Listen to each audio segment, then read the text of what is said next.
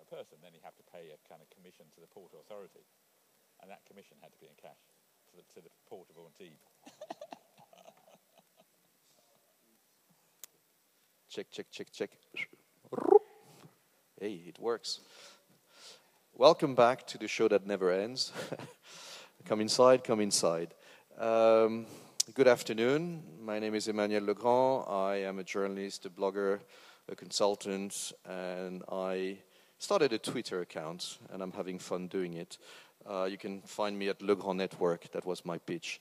Um, we are here to talk about the music business of the past 30 years and the future of the music business with probably one of the, I would say this, one of the survivors of the 70s and who now runs one of the biggest independent label groups in the world and who is also an extremely active member of the, the, the trade organizations representing independent music labels in the world through uh, AIM in the UK, Impala in Europe, and WIN uh, worldwide.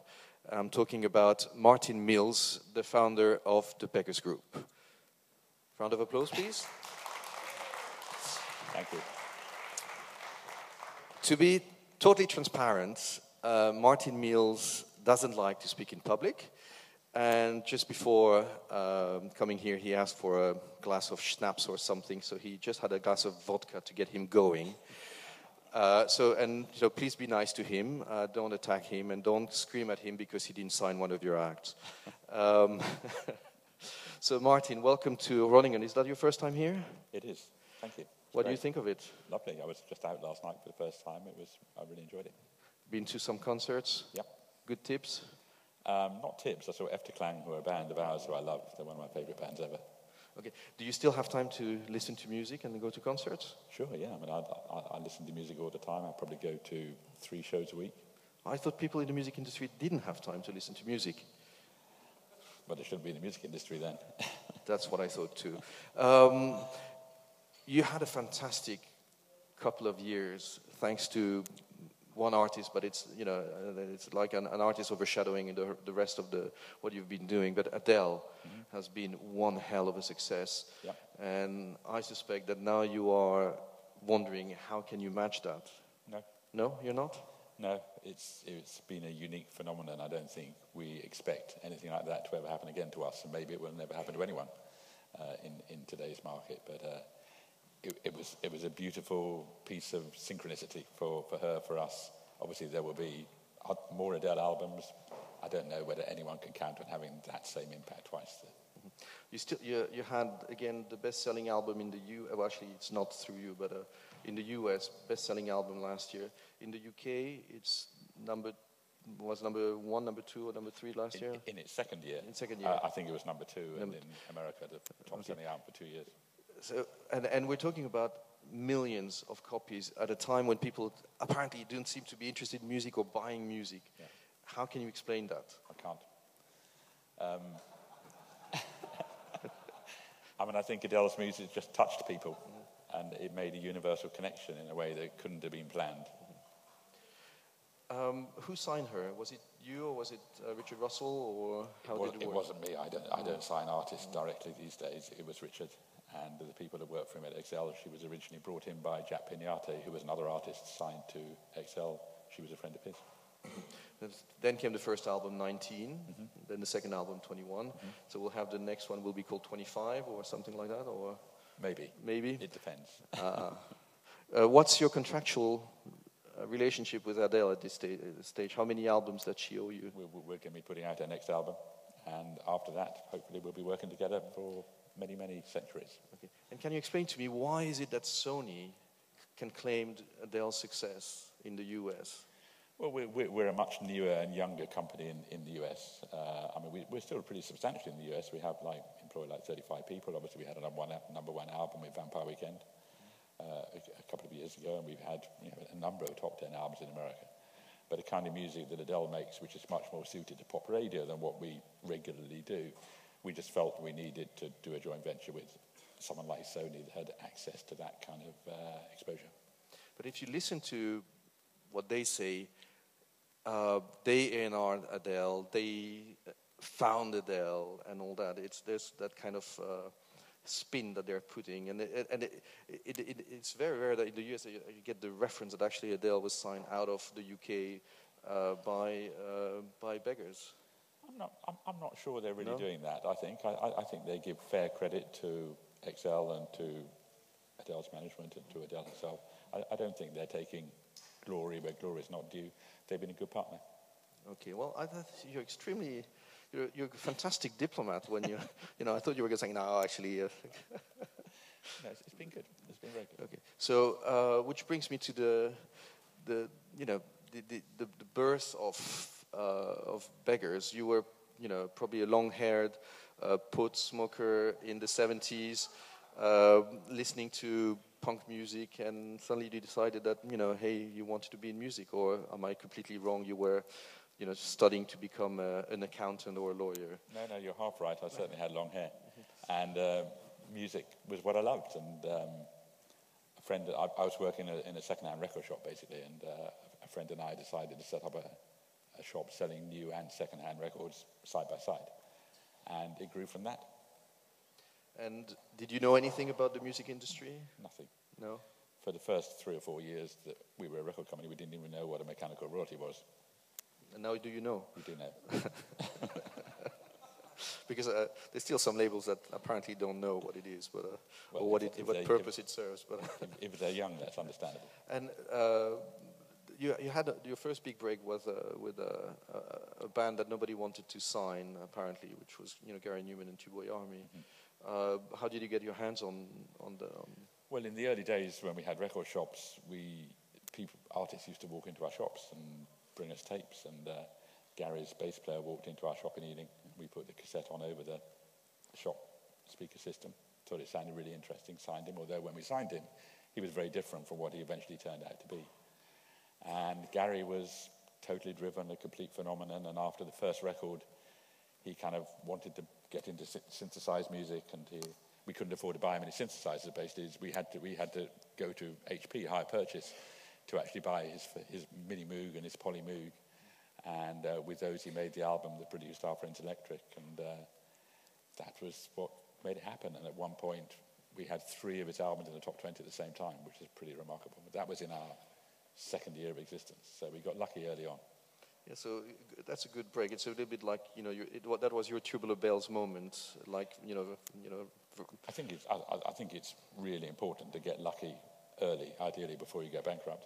Um, and uh, I think you, you have to admire labels, independent labels that really grow and succeed without having that big break early on. I mean, labels like Domino and Warp who are great labels, but never had that big band in the way that we had with Gary and Sub Pop had and Epitaph had and so on. So I think uh, it helps to get lucky early. It does, I guess. Um, where does the name come from? Let me guess. Rolling Stones? Yes. It's a great album. But nobody sued you for copyright infringement or something like no, that? It was a long time ago. Thanks for mentioning uh, that. Ah, that's probably why. a long time ago, I went, uh, I, I, went with a friend who was managing one of our artists to a Rolling Stones concert. In, uh, I, I, landed in Los Angeles, and uh, this guy rang and said, let's go to see the Stones at whatever the baseball stadium was. Not Giant Stadium, is it in Los Angeles? I can't remember. And we went to the show, and it was great. And right, okay. And uh, afterwards, we went to the party, and there was a kind of wedding reception line to meet Prince Rupert Loewenstein and, and the Stones. And uh, as I was introduced to Prince Rupert, this friend said, this Martin Mills who runs Beggars Banquet, they stole your name. And I thought, that's great. That's really what I want. but it was a long time ago, and nothing happened. And, and yeah, we have the right to do it anyway. Uh, interestingly, it, that was the original label. You know, I, I, remember buying vinyl with you know the Beggars Banquet label, uh, but you, the, the, the, label itself does not exist anymore, does it? No, we, we retired the label. I, I, to be honest, although it's our name, I've never been that fond of it. I'm much fonder of the Stones album. And I think the Beggars group without the banquet uh, actually works much better. And we have four labels now, 4AD, XL, Rough Trade, and, and Matador under the Beggars umbrella, but there is no such thing as Beggars Banquet currently. Okay, well, so uh, you've grown the company into that, that group of labels, they, they, it's interesting because they have very strong uh, identity, so to say, and, and, and it also goes down to people who are actually running those labels. Uh, it looks like you are someone who likes to pick, you know, like-minded people or very strongly opinionated people with uh, artistic credentials and whatever, and let them and work with them. Is that how you yeah. your, your working ethos? Yes, e each of those labels is run by one or more people who are largely my partners, um, and uh, they all have their own vision for the labels, and they're all very strong people. And what I do is keep the balance. You know, yeah. So what is it exactly that you do? I balance. You balance. okay, you're like a like a DJ balancing. um, I'm, I suspect that you are very much looking into the most boring part of it, which is the Excel spreadsheet and things like that, or do you leave it to so, to other people? Not, not that much. I'm, I'm, I'm not a trained business person. I'm a self-trained business person. Um, I I micromanage the business in the sense that I sign every check, uh, but I'm very loose in how I manage the business, and I give people autonomy and authority to do what they think is best and make their own mistakes. Hopefully not. And when it comes to uh, big chunks of money that I suppose you have to, you know, when you're dealing with Adele now or with some of your artists, uh, how do you how do you measure, you know, how far you can go as a as a as a label in terms of investment, in terms of involvement? Um, it's it's instinct, it's gut feeling. Um, I mean, you, you, you can't really know how many an artist is going to end up selling or where an artist is going to get to. I mean, you would never have guessed that Prodigy would have become what it became, or Adele would have become what she became, or that many of our artists. Um, but you just have to make financial decisions that are prudent, but you have to also be prepared to take risks, and you have to balance those two things.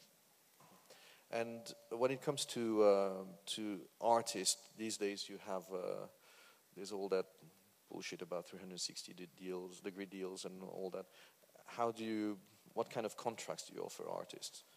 Um, we're quite an old-fashioned company in, in many ways, although we're a very futuristic company, we're also very old-fashioned. And uh, the, our relationship with our artists is old-fashioned in, in that we exploit recorded music. That's what we do, that's what we're good at, that's why people come to us.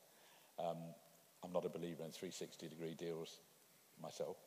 Um, I had a meeting uh, a few years ago with we're distributed by ADA, which is a Warner company in America, and they came down to see us, and, and Lyor Cohen came down with them, and he started off with a speech. Uh, and he said, 360 degrees are our religion. And I said to him, well, I'm an atheist then, if that's what you think. um, I, I, actually think they're lose-lose. Um, I think that unless the record label is set up to really be good at all those other non-90 degree elements, and you really deliver value to the artist for them, which I think most don't, then I think most of the time you're going to pay more for a 360 degree deal than you would for a record deal. Most of the time artists don't succeed and they lose money, in which case you lose more money than you were going to before. On the occasions when you succeed, you'll probably have an artist that resents your involvement in something that you're not particularly good at. So we prefer to stay clear of it. Well, you know, maybe that's something you should write a memo and send to back to Cohen wherever he is these days and say, you know, you're still a theist, and you know it doesn't seem that it's working actually that well for Warner anyway. Money, I, I, think for kind of one-man band labels, it probably works. I think if you're a, a little label with a, an, an, act or two, then you probably need to do that kind of thing. I, I, can see why the majors do it, but I think the majors are going to do it successfully. I think they've got to become as good at all those other parts as they are at selling recorded music. One thing apparently that you're very good at as a company, and that's you know that's the feedback I get from digital services, is about digital things. You have a, very strong digital department, and you are really trying to harvest as much as possible from the uh, from the digital ecosystem. Uh, when you know about 10 years ago the, the, Napster came came around, what was your feeling? What did you think about what was going on? Well, firstly, I'm very happy to hear you get that feedback. Um, well, I also hear that you're very tough negotiating you know, at least, or you, your people are very tough trying to get the best deals also. But that's uh, also credit to them. So there is that perception. I, I, I, mean, I guess one of my faults, if you like, is I like, well, it's a fault or not. I like to be fair and I like to be reasonable. And so we generally start off at a point that we think is fair and reasonable and tend not to move from that point because that's what we think is reasonable. So that's, I think, why we're perceived as being tough. Um, but with digital, we were in very early with digital, with liquid audio, and we had our entire catalogue up digitally in the last century. By 1999, you know, we had our entire catalogue digitally, and we've been very, very proactive at dealing with digital services. We, we licensed the original Napster uh, through AIM, uh, and we've liked to be at the forefront of things, and digital is a big part of our business. It's a bigger part of our business than it is for the majors because the gatekeepers currently are fewer and therefore our access is greater. Um, Simon Wheeler, who's the person in charge of your digital uh, operations, was in Paris a few months ago at a, another conference like you know MAMA, and was saying that uh, digital, digital, digital pie now is about 40% of your revenues or something like that. Yeah. But uh, what was interesting, what he mentioned was the, that streaming used to be three years ago 10% of your revenues or digital revenues, and now it's up to 40 or 50% or something like that. So the, no, been, it's, no? Not, it's not that high yet. That high. but it, there's been a real you know, speeding up process with digital revenues coming from streaming uh, services in the past couple of years. Well, uh, and, and, downloads are growing too. So it's not just streaming that's growing, downloads are as well. Uh, but streaming is, is, is, certainly increasing at a good rate.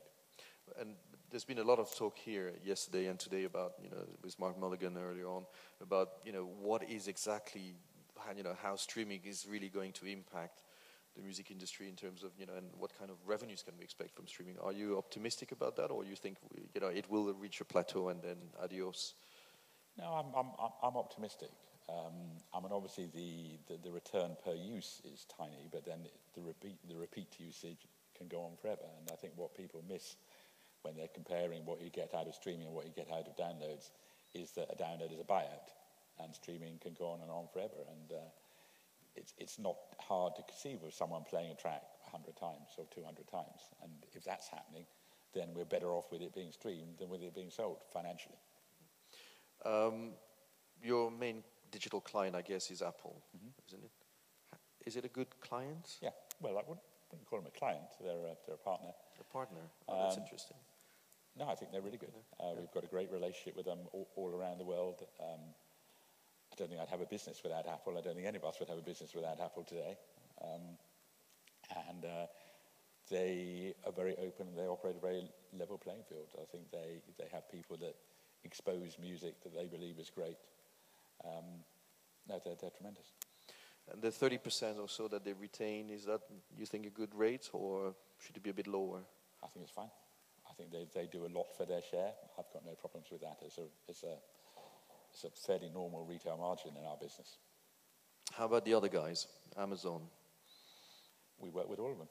Yes, but they have a slightly different business strategy. They love discounting uh, digital albums and we, are not huge fans of that kind of dis- the kind of discounting that they do but uh, it's their choice i mean they, they, they pay us the price they pay us what they sell at is down to them but uh, I, I personally would rather music wasn't devalued have you ever had one of your acts sold at 199 per download? The album, not the track. No, 399. 399. Yeah. Is that a good value for money? Actually, for the consumer, probably. Yes. It's, it's too good. It's too good. Music is worth more than that. You know, especially when the wholesale price is probably around six or seven, I guess. Yeah. So that means that they sell at a loss. Yes. Do you think that's a sound business proposition? I'm sure it is for them, uh, because it attracts people to the store. I don't think it's good for music. Mm-hmm. So that brings back to the value of, of music or the perceived value of music. Uh, where do you see it uh, with all this debate about you know music should be free and the experience should be you know where you actually can harness you know the value and monetize? Well, if music's free, then no music will get made um, because you need to invest in music to to make it. Um, I think it's great that services like Spotify have a free to the user tier because I think it brings people into the legal market and that's good. But clearly, music has a value like anything else in the commercial world, and uh, obviously, you, you need to be able to promote around it. So you need to have occasions when you when you attract people with a lower price. But fundamentally, I think it's important for all of us as rights owners and representatives or representors of rights to maintain uh, a decent value for music, and that's a daily struggle. It really is a daily struggle. And there's a big elephant in every room these days, and it starts with a G, and it's called Google, and it's all, and, and YouTube, and, and all the projects that they have. Uh, how do you view them? As a, are they friends? Are they foes? Are they, you know, dangerous people to deal with? Or probably, probably all, all, all of those. Um, I mean, they're obviously, they've obviously changed our lives. I mean, can, we can't imagine how you live without Google today, right? How would you run your life every minute of the day without Googling stuff? Um, so, uh, on, on the one hand, they're an incredible force for good. On the other hand, obviously, they have that they want to use content in a way which may not may not be the way rights owners want to see it used. And uh, I, I, again, I have concern about music being devalued and services being offered free to the consumer when there should be value to them. But you cannot disagree with the fact that YouTube has become uh, one of the major destinations for anyone looking for music, and at the same time, it has become a quite significant source of revenue, yeah. isn't it? Yeah, no, we have a good relationship with YouTube, and I think again it's a fantastic service and uh, very smart of Google to make that purchase because many digital companies have made similar digital purposes, digital purchases, and lost all the money they put into it. So MySpace, anyone? exactly. So uh, good for them for doing that. And uh, again, YouTube's such a daily part of our lives; it's hard to imagine life without it. And uh, it does give us an income. I mean, per use, it's not as much as Spotify by quite a long way, but then Spotify is a paid for tier, and YouTube doesn't. Uh, just as you were starting to, uh, as, a, as an industry, master the use of streaming services like Spotify and Deezer and Rdio and so on, boom, comes the cloud. So, for you, what is it, the cloud? Is it another way to consume music, or is it, is it a, a real, a clear and present danger? Because that's where a lot of things will, will happen and will not be monetized. Again, it's both of, it's both, it's both of those things. Uh, and clearly there, there are legislative initiatives going on in different countries which are a concern to us. But fundamentally, though, if there are commercial companies making, making money out of the use or the reuse, sorry, the use or the reuse of music, then we should be able to license them. And uh, it, it's, it's important that where there's value, that the artists get a share of that value. Well, just before we were talking about uh, yesterday's announcement that Amazon is probably going to is, said that you know whenever you're going to buy a CD, they're going to match it with an MP3 in the cloud, yeah. and your first reaction is, has it been licensed? And well, so I didn't have the answer, but uh, yeah, I mean, that's my first verbal reaction. My first non-verbal reaction is that it makes a lot of sense. Mm-hmm. Um, but again, if it's a business, it's got to be dealt with in, in a business-like way. But uh, how do you think that the music industry at this stage has the power and the clout, not the cloud, but the clout to negotiate with the likes of Amazon, Apple, and Google? Since they're all, you know, it's, they're quite fragmented and they go, you know, in different directions. It, it, it's difficult because, I mean, we are tiny, tiny fish in, in, in that sea that, that they are a bigger part of. Um, it's important we do. I mean, I guess you know, one of the virtues of copyright is we are all monopolists in our own small way. I'm a monopolist of Adele recordings. So if those people want our music, then they have to strike a deal with us for it, or else they need to lobby government and persuade government that they should force us to give it to them for free. And that's another daily battle. But it seems that that is more the angle that you know they have chosen rather than no. I, th- I, th- I think it's, it's, both angles, and uh, it's probably worth noting those companies are much keener about uh, maintaining the value of their copyrights and uh, aggressively defending that value than they are about ours you know, there, there's a, a, piece of legislation that is currently discussed in the U.S. called the Internet Fairness Act, which is anything but fair, mm-hmm. uh, where you know pushed by the likes of Pandora, and they want to bring down the level of uh, royalties that they're paying, both for publishing and for recording. Uh, do you see that as a trend, and do you see that as a danger? Yeah, both again, but it's, it's, it's natural. You know, they're a commercial organisation. They want to reduce the costs of their inputs. So it's perfectly understandable they would try and do that. Um, I think that most people at, at the rights owner end, and, and, not just record labels and publishers, but artists who get paid by record labels and publishers, find those payments too low, not too high. Uh, and I thought it was interesting when Pandora went to the press a few months ago and talked about all this large amounts of money they were paying to people, and then said, yes, but actually we want to reduce that by two-thirds. Seems a bit, seems a bit strange. But Pandora is a fantastic service.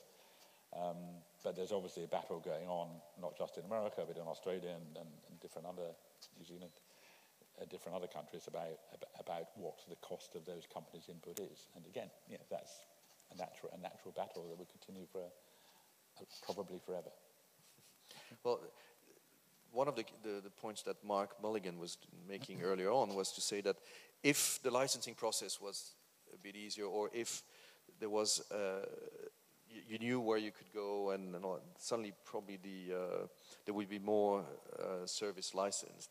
Do you think that's uh, that's a clear view of the situation? I, would certainly like to see the licensing process be easier. Um, it is easier than it used to be. Um, I think one of the problems with uh, the size of Universal, which I'm sure we'll get to at some point, is, no. is that uh, they tend to be the dictator of, of the, the price and the parameters from the rights owner's point of view. Um, I lost my train of thought now. What was the rest of the question? we'll get back to that. No, uh, about the license, you know, making oh, yes, the licensing yeah, process I'm, I'm easier sorry. and how you I, can. I mean, I, I think that the, the, the, big problem with the licensing process is territoriality. I mean, obviously, that's, that's not a problem when uh, record labels are licensing direct, but it is a problem for collecting societies. It is a problem with on the publishing side, and I think that to have to license in 20 or 30 different countries on different terms is plainly ludicrous. And clearly, we need to get to a point where the old established territorial hierarchies get merged into some greater global good because these digital services are global business and it makes no sense to, order license them territorially. Uh, just as an, aside, as an eMusic, uh, probably one of the very few eMusic subscriber, you, st- you pulled out your repertoire from eMusic a few years ago, and it's still not back there. Any reason for that? Yeah, of course there was a reason. um, we didn't, we didn't want to have to leave, but when they took Universal on board, they changed their terms in a way that simply didn't work for us. And so we didn't really, which is a shame because I think it's a good service. Um, but the terms don't work for us at the moment. Yeah, you know, as a result, I have to go to Amazon or Apple to get your repertoire, which you know pisses Sorry, me you, off. You, you, can always call me. uh, you know, I don't do freebies uh, anymore. I. um, going back to the the, the independent labels aspect, uh, the uh, what we've seen uh, over the past 15 years or so was the you know some kind of affirmative action. You know, we are independent and we are proud of it, and we want to continue to be independent, and there's a reason for that, and we're going to pull together our resources, our strengths, our power in order to have a voice. Uh, it, it worked pretty well, didn't I think it's worked brilliantly. I mean, obviously, it's, it's, the kind of it's the anthropologist's nightmare. You don't know what would have happened if those organisations had not been there. But um, those independent organisations, and apart from the ones you mentioned earlier on, there's Merlin, uh, obviously, and there's A2IM, which I'm a current director of. And without those, it's hard to imagine how independence would have survived to the point they have over the last 10 or 15 years. And I suppose that, you know, the, the, point about being an independent label is, is, that you have a lot of independent voices, yeah. and get them to speak with one voice is not necessarily easy. It's incredibly difficult. And before AIM and its successors set up, there were independent organisations, but they were fragmented, underfunded. They fought internally all the time. And I think to the eternal credit of people like Alison Wenham, you know, we, we have pulled together. And uh, when we were setting up A2IM in America, we used the analogy that you, you circle the wagons. You know, you're in the Wild West and the frontiers and you're being attacked by Indians and you put the wagons in a circle, right? And uh, that's really what those organizations have done. And uh, I think they've been extremely valuable in both in terms of dealings with Spotify and, and iTunes and such like, and government and lobbying and collective positioning and so on. And uh, it's hard to imagine where we'd be without them, I think. One of the big battles that you know you've been fighting for the past 10 years or so is about consolidation in the recorded music industry. So you've started fighting an EMI Warner merger, you, then you fought an uh, uh, Sony and BMG merger, then you fought a Universal and EMI merger. and in some cases, you managed to derail the process, in the case of EMI and Warner. And in some other cases, you did not manage to because apparently the European Commission was not seeing eye to eye with your vision of what a consolidated market was. Uh, so it's kind of a mixed, you know, uh, feeling, I suppose, with that regard. It is. I mean, obviously, we won that court judgment against Sony BMG, which was a short term victory. Um, I think it's important that someone fights that fight. Um, obviously, I, I, suppose you could say that we've not succeeded to the extent there's now an effective duopoly out there in the marketplace. Uh, I don't think that's good for business. I, I, don't think universal size is good for anyone in the music industry apart from themselves. Um, I think the music business flourishes more when there are multiple players and an open marketplace. Um, but it's a daily fight, and you know, right now we have the spectre of Sony strengthening themselves uh, as a consequence of the universal divestments. And the BMG Sony alliance looks very much to me like Sony, Sony grabbing a greater share of the, of the pie, both on not just on publishing but now on recording. And but at this stage, with the market the way it is, is it really a danger having just a duopoly? I think it's a danger for every, everyone. I think for anyone that's making music, it's a danger. If, if you have a company that owns 50% of the market, another company that owns 30% of the market, they can dictate all terms. If you're a producer or a, or a songwriter or whatever, they can dictate. But how, how come neither the European Commission nor the FTC seem to be thinking your way? Very good question. Have you asked them? them? Yes, we do ask them, and, and they say nice things, but ultimately, I mean, obviously, we, we, we get some partial victories, but ultimately, I don't think, we don't think that the competition authorities are protecting the market in the way that their job is to do. Yeah.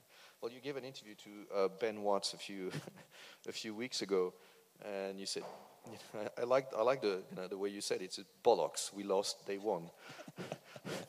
uh, is that still the way you feel? You know? Yeah. I, I mean, I think if they'd been offered if, Universal had been offered the chance to buy two thirds of EMI at two thirds of the price a year ago, they'd have done it like a shot. I mean, I, I, think the deal is not as good as they would have liked it to be, so I think we won to some extent. But we won to the extent of hurting them a bit, not in any positive sense, really. But uh, we haven't seen you pitching for any of the assets that uh, Universal or even Sony ATV on the publishing side where we're selling? Is it because you're, you don't believe in, in, in buying, in acquisition? Um, a, number of reasons. Firstly, I felt that it, it would have been, I, I, would have felt a bit uncomfortable with us trying to benefit from a situation which we'd helped create. I think it was important that we stood aside from that. Uh, and partly because most of the people that are bidding are people that need the scale of catalogue for the commercial interest of their business. We don't really need that because we've got 35 years worth of back catalogue that sells every day. And what we do is we invest in new artists. Um, so it's, it's not really material for us to be involved in that. But it's an important process, and, uh, and, and our position, our collective position, is that it should benefit independents globally, which is why we're concerned about the prospect of a Sony BMG alliance sweeping everything up. Well, not everybody among the, uh, the independents felt that way. And I remember at the peak of the, your fight against the current, uh, the, the, Universal EMI uh, merger, uh, one of the most you know, principles in the, the organization that you mentioned, Impala, uh, Patrick Zelnik from Naive in France, took a completely different stand than you, know, you did mm-hmm. and said after fighting for, you know, against mergers for 10 years, decided that mergers were fantastic. So I, I, I, kind of wanted to be sitting at the, board, the, the, next Impala board and see exactly how you were going to roast him, you know, take his bollocks and put them on the table and chop them. Did you do that? No, we wouldn't do that, and uh, we, we, we, we, hope he returns to Impala before too long. Uh, as you said, we're a loose coalition of independents. Everyone has strong views, and everyone's entitled to their views. And yeah, he, he had different views, and he stepped out and, and, and said them. You have to remember, though, that Universal were being fairly were actively adopting a divide and rule policy, and that they were they were tying in discussions about divestments with support for what they were doing. So uh, there were there were reasons beneath that. Um, leaving aside the, the merger aspect, uh, where do you see the uh, the music, the recorded music market going in the next three to five years? If you have to do a business plan to present to investors, what would you say? Are we in a safe zone at the moment, or are we still, you know, in the middle of the storm, in the eye of the storm? I think we're coming out of it. Um, I think, uh, assuming the big players are responsible um, and about the value of, of, of, their rights, which we trust they'll continue to be, um, I think that we will see a continually diversified marketplace in terms of retail. Um, I think that uh, iTunes will continue to be very strong. I think subscription services will grow. I think bundled services will grow.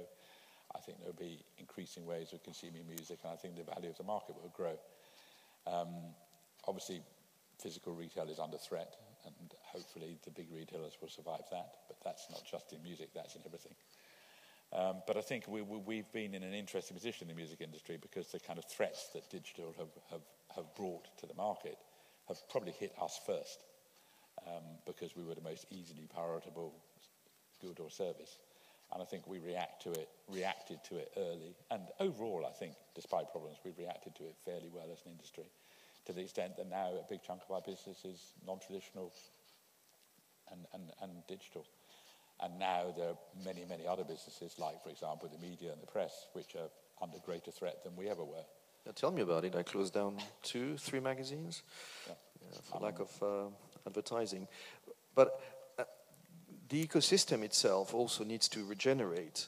And aren't you, you know, sometimes when, you know, when I go to, uh, you know, the AIM AGM, well, uh, sometimes you just see, you know, people who are over 50 and all that, and they're, you know, where is the new generation of entrepreneurs who want to be in the music industry and, you know, will start a label? You know, is there anything, yeah. you know, that you can do to actually bring more people into that business or help them? That that's a very big part of what those organizations do. And I think that's really, really important. One of the big things I try and do is to make sure that the ladder that I climbed up into the successful part of business, that the lower rungs of the ladder don't get removed. Uh, and I think that's a continual danger. Um, and regeneration is really important. Um, I think that it's, it's, kind of hard to see how anyone these days could build the kind of business that I have uh, over that period of time because it's simply a different world. And it was difficult then, and I think it's more difficult now. I think the new entrepreneurs are not going to be building labour groups in the way that I have. They're going to be doing it differently. And they're going to have a much more mixed um, way of building their businesses. But I think they will. I just think it's different. Do you think there will be also money available for these people from venture capitalists or others to because they, they seem to, the VCs like startups, but not necessarily startups that deal with directly with artists and investing yeah. in artists. They, they tend not to, and I think that's that's difficult. I mean, many many governments have talked about creating uh, investment opportunities for music, and very few have succeeded. Probably France has done more than most with their tax credits. The UK has been a spectacular failure in, in terms of encouraging investment in music.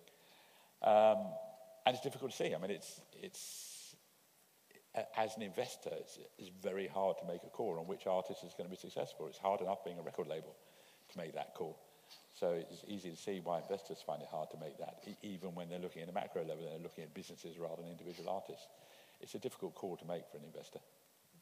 And if you were to start a label today, as if you did, you know, 35 years ago, how would you structure your label? Do you think you would do it differently than when you started? Yeah, I think so. Uh, I, th- I, think it would be difficult for me to do what I have done ag- again today because it was so much easier to get started then. But I think it, it, would have to be different. It would have to be different. In which way? More fragmented, more diversified. Um, I mean, I built a kind of fairly monolithic um, company over the years. I'm not sure it was possible to do that anymore. Mm-hmm. And do you think that the, the, sourcing of uh, the A&R process also has changed compared to when you, when you started? Completely. Uh, I mean, obviously, in, the, in, in those days, the only way to check out a band was to go and see them.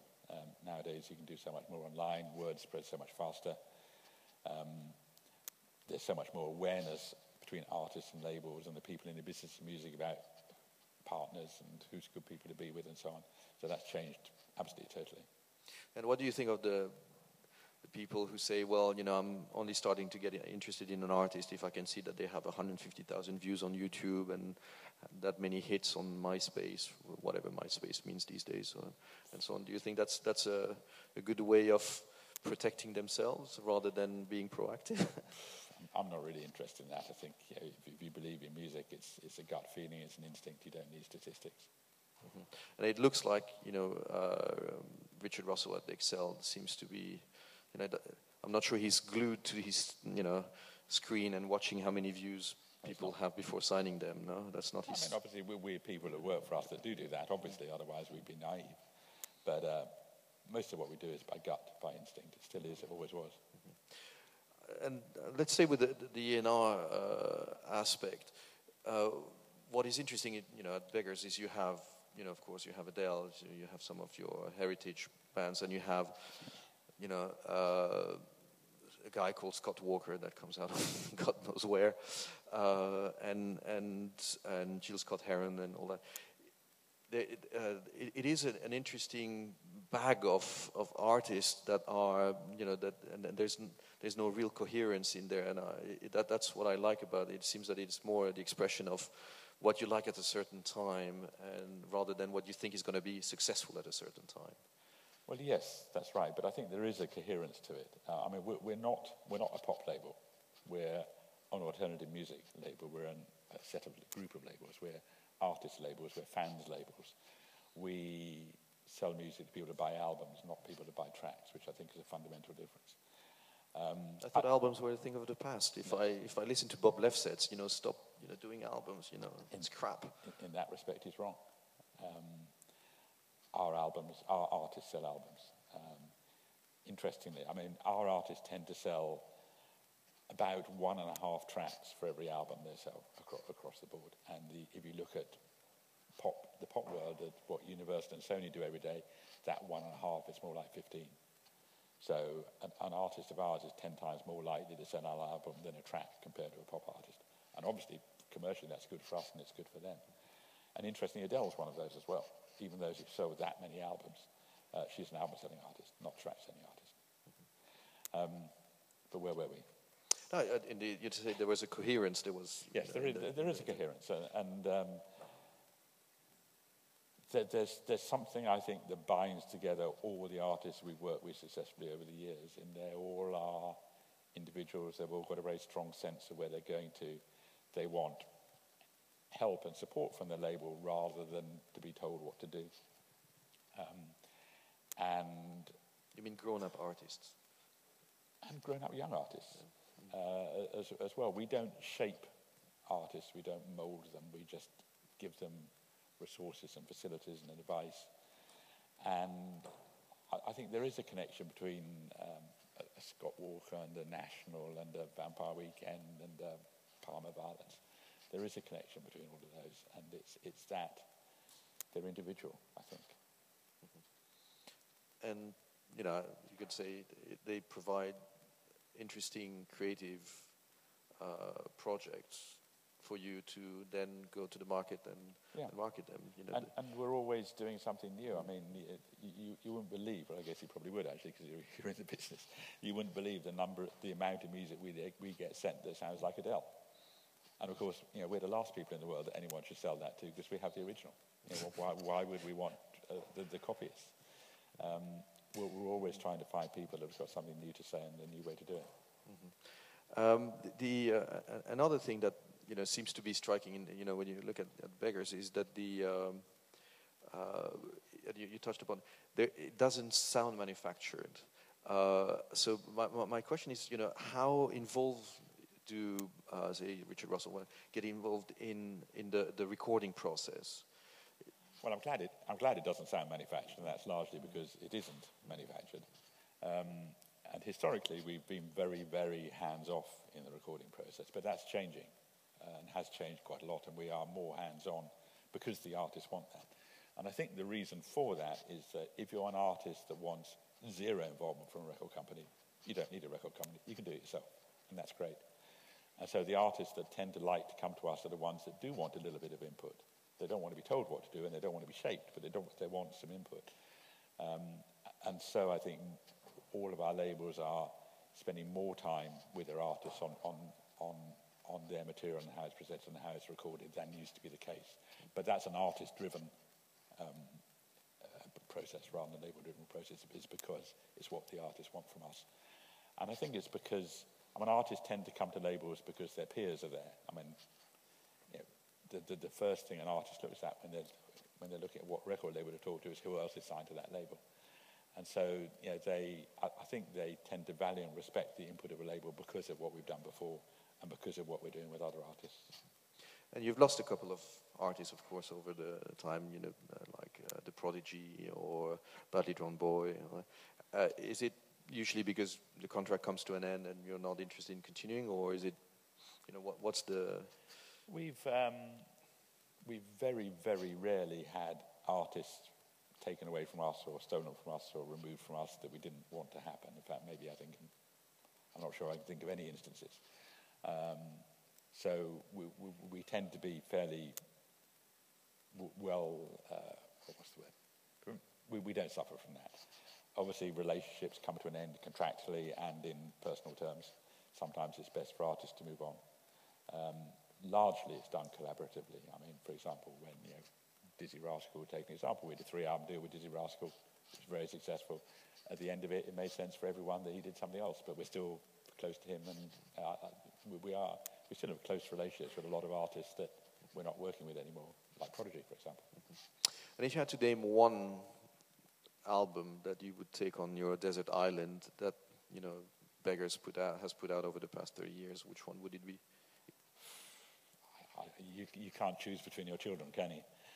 Oh, well, I don't have children, so I don't know. But uh. um, there'd be a different answer to that question um, every day. Um, today, because I saw Efterklang last night, I loved him. The latest Efterklang album. Okay, well, so I'll, I'll, rephrase that. You know, it's like, which are the ones that you are the most proud of?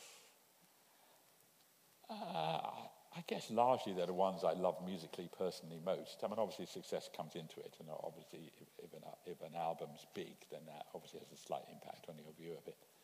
Um, most of the records we release I'm proud of uh, and enjoy uh, and love. Mm-hmm. Uh, and ones that we haven't released yet, but I know are in the pipeline, I'm probably most excited about, which the world doesn't know about yet.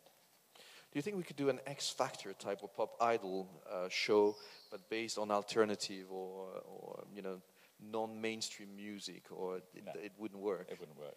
But that that should be fun. No, I could see you as a, you know, as the uh, the Simon Cowell saying, I'm, "No, I'm, you're I'm not going. this. I'm sorry. I'm, I'm, I'm gone." okay, it looks like we have about uh, 15 minutes left for questions from the audience. I hope. Will there be questions from the audience? No. Blimey. Is Peter Jenner here? because he usually asks questions. No, nobody wants to ask questions. Shall I continue or? No. Okay. Well, I'll continue.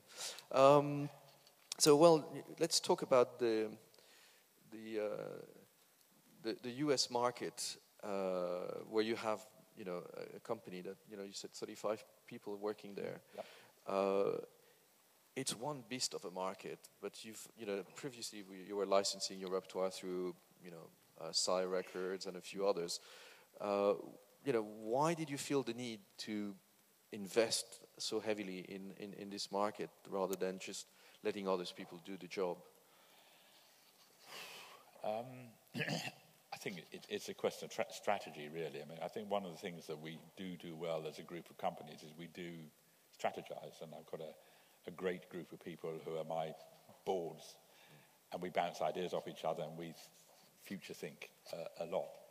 And one of the things we did in the 90s was we, we saw the global market coming both digitally and in terms of the European single market, and we set ourselves up to address that and to operate as a global company. We do all of our own digital business ourselves globally uh, out of our home base. And essentially, we moved away from territorial license deals. Um, which has become a fait accompli in Europe because simply with the barriers having come down to the extent they are, it's not, you, you can't really license territorially in the way that you used to be able to. Um, that was obviously the way we started off doing business in America, um, following in the footsteps of people like Virgin. you know, we used to go with a bag of cassettes and shop them around every record label. And, uh, you know, we used to have like 10 or 15 artist licenses operating at any one time in America um, with major labels. And most of them were good and successful relationships. But it's very time consuming to do and quite frustrating as well when all, you're, all you're trying to do is persuade someone else to do what you want done rather than doing it yourself. It's more fulfilling to do it yourself. And so in the mid 90s, we started setting up our own business in America. Um, and gradually got to the point where sub-licensing to the majors was less necessary, less appropriate, and where we felt we could do it better ourselves than, than we could get someone else to do it. And it's become a very, very substantial part of our business. And most of our release planning now is done US, UK in tandem because so many of the US media affect what happens in the rest of the world. You know, our, our two, two of our biggest media partners worldwide are NPR and Pitchfork. And that's not just with respect to American sales, but with respect to sales in Holland or Taiwan or anywhere else. Um, and so you have to operate globally, and you can't really operate globally if you're subcontracting your rights in different places. Um, so it's a big part of our future, US, and I, I, spend a week a month in New York these days and have done for the last few years. Mm-hmm. Um, and also that has brought to you a roster of American acts like the National or you know yeah. Vampire Weekend and a few others. Um, the uh, the, the, the, the market in, in America is very pop driven and very uh, R&B driven. You're not really into that that kind of business. We're not really in that. I mean, obviously we overlap with it to some extent. Uh, you, know, we, you know, we released the first Odd Future album um, uh, last year by Tyler, and have done very well with that. So we are in that to, to, to some extent. But uh, the market we're in is, is much more defined by, as I said, Pitchfork and NPR and those kind of media. And it's a very good market for us in that sense because the, the, old, the old areas that it was hard to reach in America, basically pop radio, are less and less material to us. I mean, they, they tend to be followers rather than leaders. And we can sell a lot of records without going to those sources these days. Mm-hmm. And uh, the, uh, the investment that you put into the, the American market, as you say, you know, can trickle back to other parts of the of the world. I so, so I suppose you know, you, have put uh, more resources into into breaking in America, I suppose, than than you used to in the past. I'm, I'm not very fond of the word breaking these days. Yes, I think well. it's, a, much more gradualist process than that. But but yes, and you know, as with many of our most successful ventures, we were deep into red ink before we started seeing a return. And it, with, with, with our own operation in America, we were millions and millions of dollars down before that started coming back. What do you make of Mumford and Sons being number one in the US? Isn't that fascinating? I think it's fabulous. Uh, I think it's great that Glassnote and that band have managed to achieve that. And, uh, you know, n- not just them, there are a lot of independent successes in America at the moment. And uh, I think one of the nice things about the independent community and about AIM and, and so on is that when one independent label is successful, other independent labels are happy for them. Whereas obviously if Universal are ha- uh, successful, Sony are the opposite of happy, obviously. um, and it's nice. I'm, I'm very happy they're doing well. Well, and, and Daniel Glass is certainly someone who has a bit of experience, uh, you know, dealing with the American market and also working in the indie field. Yeah. Um, staying with the indies, uh, there's one thing I, I always have a, a, problem with, you know, when you when you talk about, you know, politics and all that. It it it, it always seems that it is us versus the majors. Uh, can we get beyond that?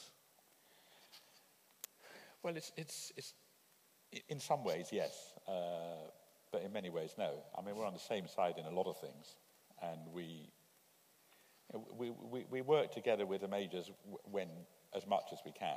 There's one particular big historical thorn in the side, which is what happened with Kazaa, mm-hmm. uh, where you know, we believe the majors stole our money. Um, not to put too fine a point on it. And that will always be a barrier between us until such time as they choose to, re- to resolve it. Um, but subject to that, you know, we work together with government around the world in many ways. But small companies will always have different interests from big companies, and that's not just in music, that's in everything. Uh, which is why we need to work together and stand together separately from the majors on certain issues, because we are competitors. Mm-hmm. And are you happy sometimes when majors have major successes? Yeah. yeah. I think you're not jealous. You're not of that kind. No, no. I mean, I think, yeah, I mean, the, the whole X Factor, Syco, Simon Cowell stuff is not in my world at all. I've got zero interest in it. But if it drives people into record stores and it creates business for them, then it's good for all of us. I- I'd like the day when you're going to be signing someone from X Factor because they, they, they would be good and with an independent spirit. It's not going to happen. Uh, I wanted to finish the interview, as I, as I, as I said to you, with uh, you know, there's a, there's a guy called Marcel Proust. He's not a rapper, but you know, he could have been a rapper. He was a writer in the, uh, the turn of the 20th century. And he did a, questionnaire that he applied to himself. And it's a quite revealing thing. And I wanted to finish by asking a certain number of very short, brief questions to Martin and expecting very short, brief answers from him. And uh, we'll see, you know, uh, how you, you, you fare with that. So, what's your, fa- what's your favorite virtue? Being considerate. Your favorite qualities in a man? The same. The favorite qualities in a woman? A smile. Your chief characteristic? Being considerate. What you appreciate most in your friends?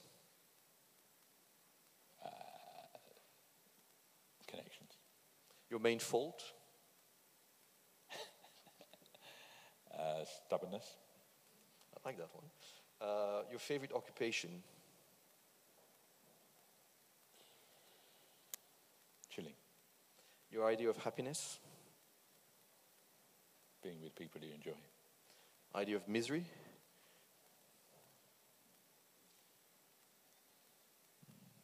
Listening to Simon Cowell. Ill health. If not yourself, who would you be? I don't know. I'm very happy to be myself Where would you like to live? where I do. Which is? London, New York, and South of France. That's really bad. Your favorite color? Green. Favorite flower? Poppy, which is not green. Your favorite prose author?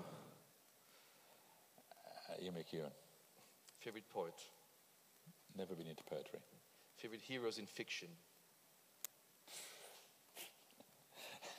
Pass. Favorite composer Classical. of any kind? Uh, Mozart. Heroes in real life? Independent label owners that have made it work. Bad guys in real life? Obviously the majors. I'm joking. What character in history do you most dislike?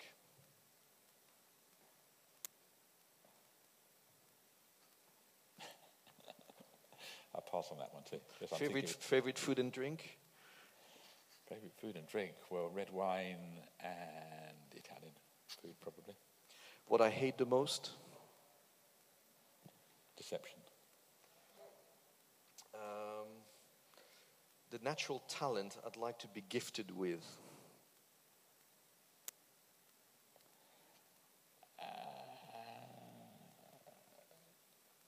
Easy to get on with. That's a tough one. How I wish to die. Quickly. What is your present state of mind? Happy. Apart from nervous, obviously. And your favorite motto? Favorite moto? Yeah. Car. No, M O T T O, motto. Motto. Not- Motorola, but. Uh, Uh, per, per ardua ad astra. sorry, say that again? Per ardua ad astra. Can I have the subtitles, please? Because my Through- Latin is a bit. Through difficulties to the stars. Well, that's a beautiful way to end the interview, ladies and gentlemen. That was Martin Mills. Thank you. Thank you.